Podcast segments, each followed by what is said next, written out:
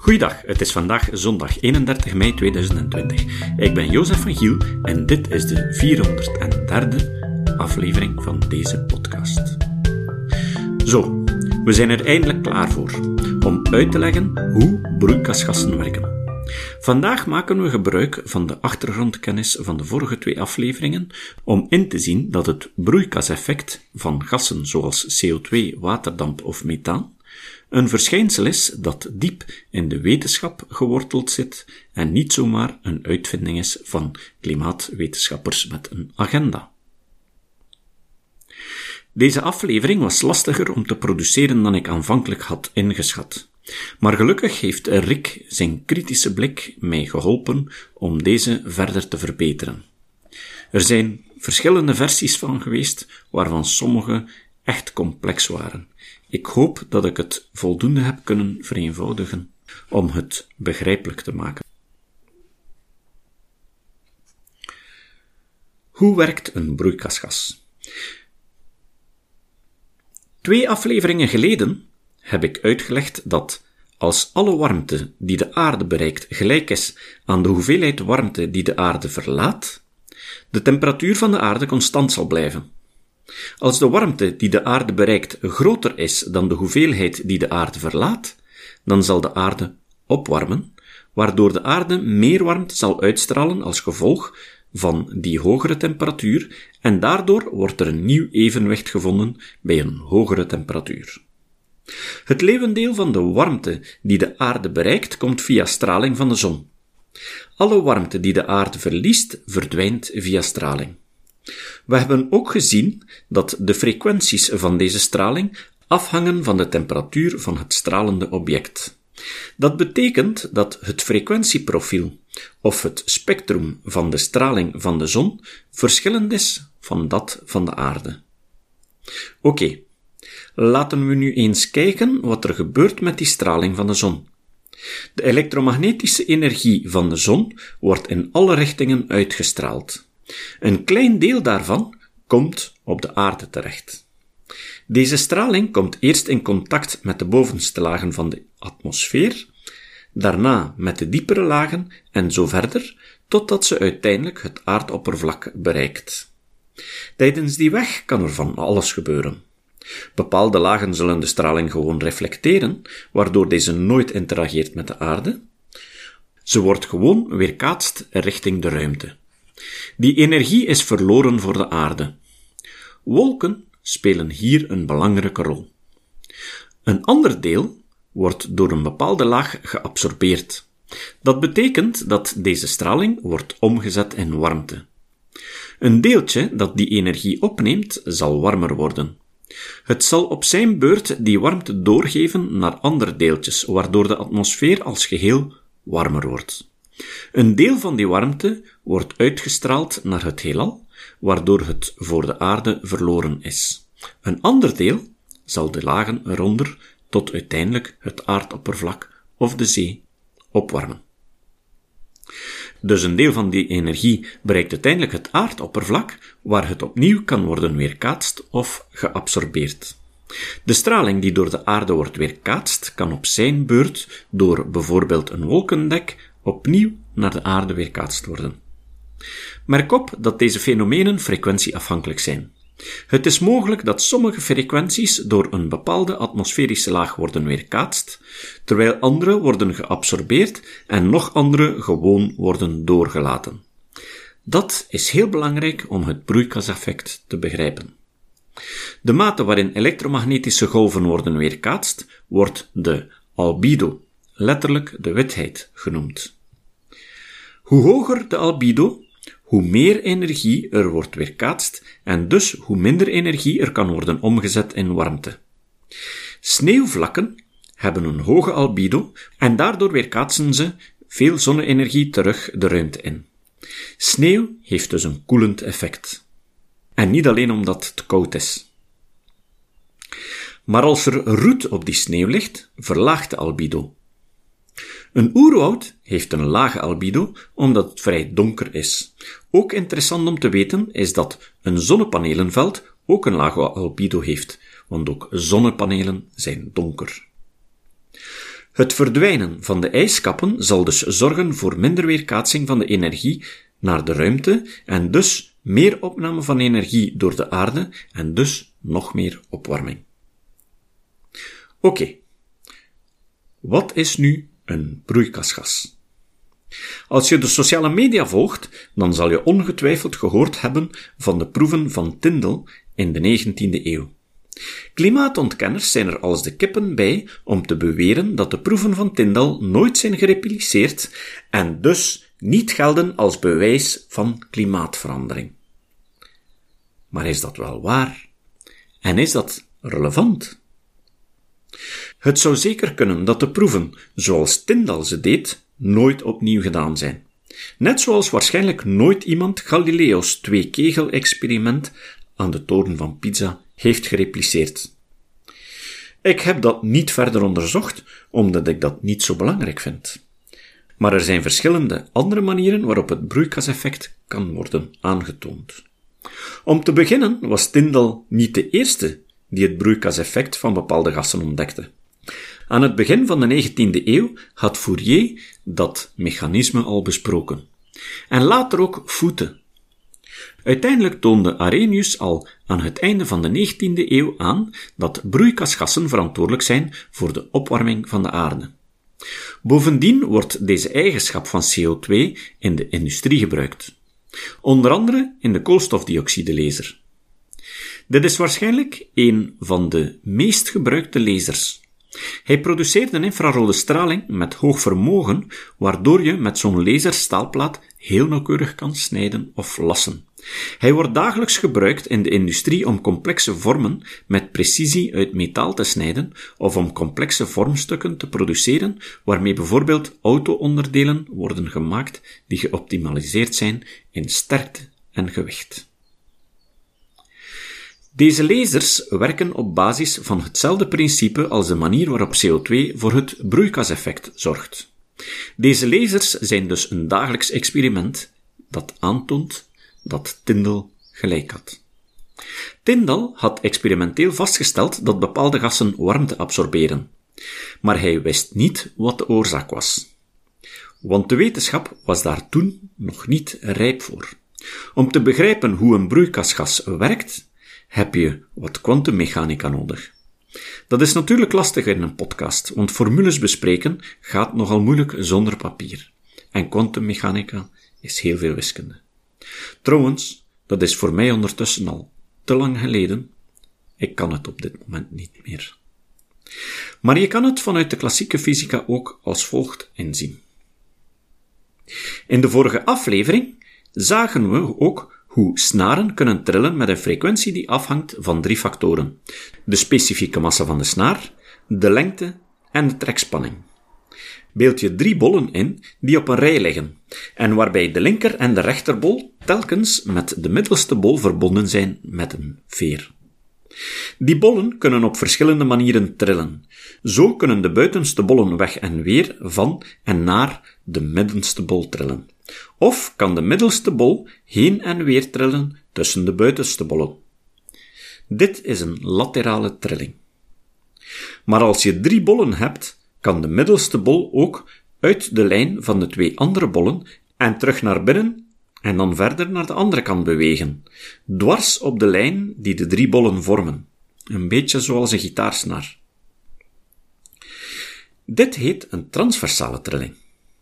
Merk ook op dat je voor transversale trillingen minstens drie atomen in een molecuul nodig hebt.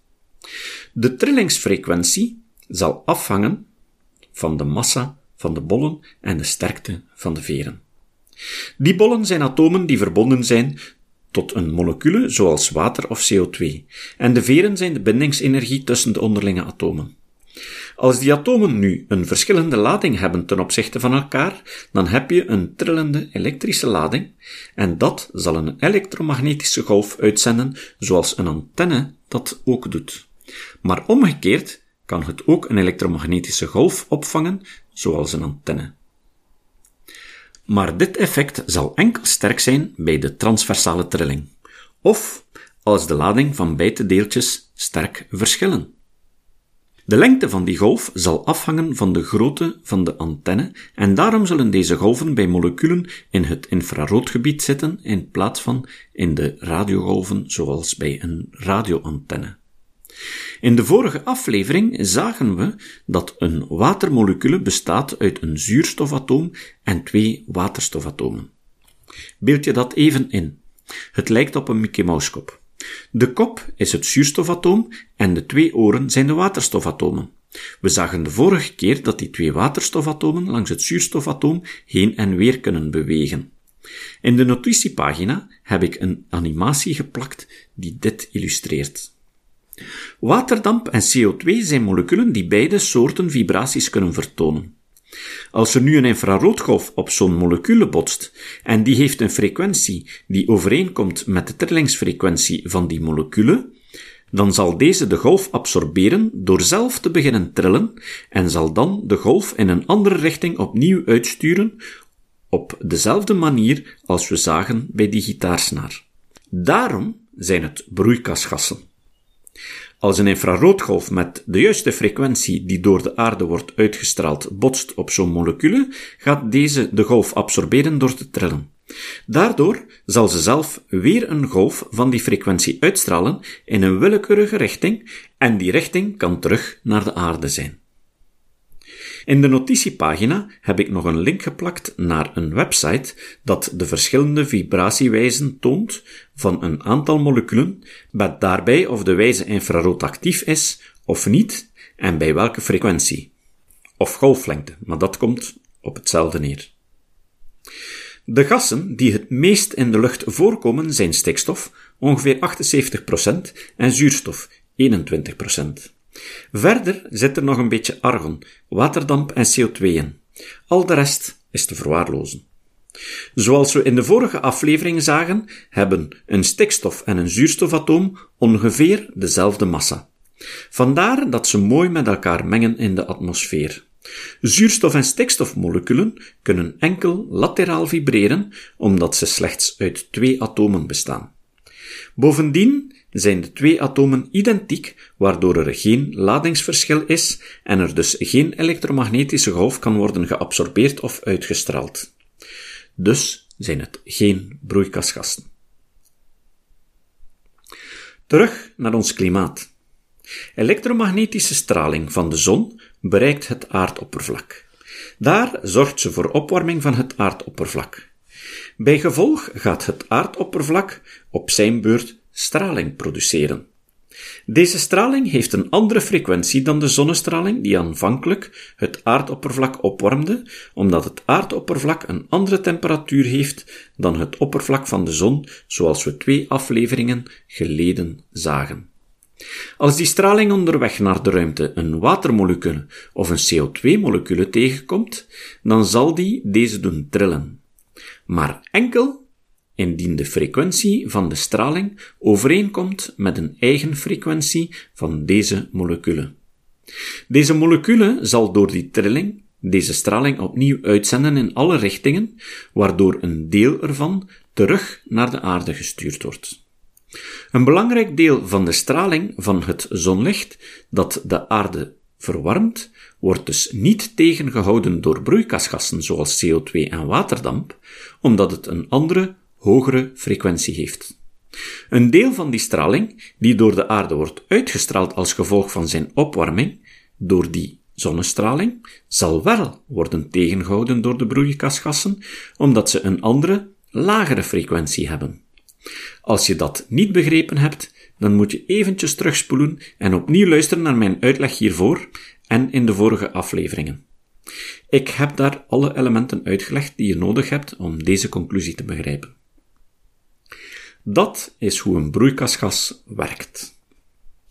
Met alles wat ik je nu vertelde, kan je een hoop zaken besluiten. CO2 en waterdamp zijn broeikasgassen omdat ze infraroodvibraties kunnen hebben, maar zuurstof en stikstofgas niet. Ondanks het feit dat er veel minder CO2 en waterdamp in de lucht zit dan zuurstof en stikstof, zijn CO2 en waterdamp toch veel belangrijker voor het broeikaseffect. Verschillende broeikasgassen reageren op verschillende frequenties van infrarood. Dat verklaart waarom CO2 een belangrijk broeikasgas is, ondanks dat er veel meer waterdamp in de lucht zit. CO2 houdt namelijk een ander soort infrarood tegen dan waterdamp, een andere frequentie waardoor het relatieve effect groot is. Je kan het vergelijken met een goed geïsoleerd huis waar er één klein raampje open staat. Alhoewel het raam klein is, heeft het sluiten ervan een groot effect op de totale isolatie. En die CO2 sluit weer een van die frequentieraampjes. Doordat de straling van de zon andere frequenties heeft dan de straling van de aarde, laten deze gassen veel straling van de zon gewoon door naar de aarde maar veel minder omgekeerd. Even terug naar onze CO2-laser. Hoe werkt die nu? In een buis zit een gasmengsel van koolstofdioxide, stikstof, waterstof en soms nog enkele andere enkelvoudige gassen. De stikstofmoleculen worden met een elektrische stroom in vibratie gebracht. Maar deze kunnen hun energie niet vrijgeven in de vorm van elektromagnetische golven, omwille van de uitleg die ik hierboven gaf. Deze energie wordt overgedragen naar de CO2-moleculen, waardoor deze op hun beurt gaan vibreren en zo een infrarode straling uitzenden volgens het mechanisme dat ik hierboven uitlegde. Deze straling wordt verder versterkt door spiegels aan de uiteinden van de buis, die werken als een soort klankkast en uiteindelijk aan de kop als een sterke, coherente straling uitgestoten. Zo zie je maar dat wetenschap een aaneenschakeling is van een consistent geheel van zaken en je een ontdekking zoals die van Tyndall niet op zich mag zien, maar moet vaststellen dat die consistent is met de kwantummechanica, terwijl die nog niet ontdekt was in de tijd van Tyndall, met de chemie en met de signaaltheorie. Dezelfde theorie die de werking van broeikasgassen verklaart, wordt door ingenieurs en onderzoekers gebruikt om machines te maken om dikke staalplaten te lassen en te snijden en in spectroscopen om de samenstelling van stoffen te onderzoeken. Het staat niet op zich, in tegenstelling tot pseudowetenschappelijke concepten. We weten nu dat CO2 een broeikasgas is. Maar wie zegt dat al die CO2 in de atmosfeer van de mens komt en niet van natuurlijke processen? Daarover gaan we het in de volgende aflevering hebben. Ik heb in de notitiepagina nog heel veel links gestoken voor mensen die zich nog verder willen verdiepen dan wat ik deed in mijn nogal eenvoudige uitleg.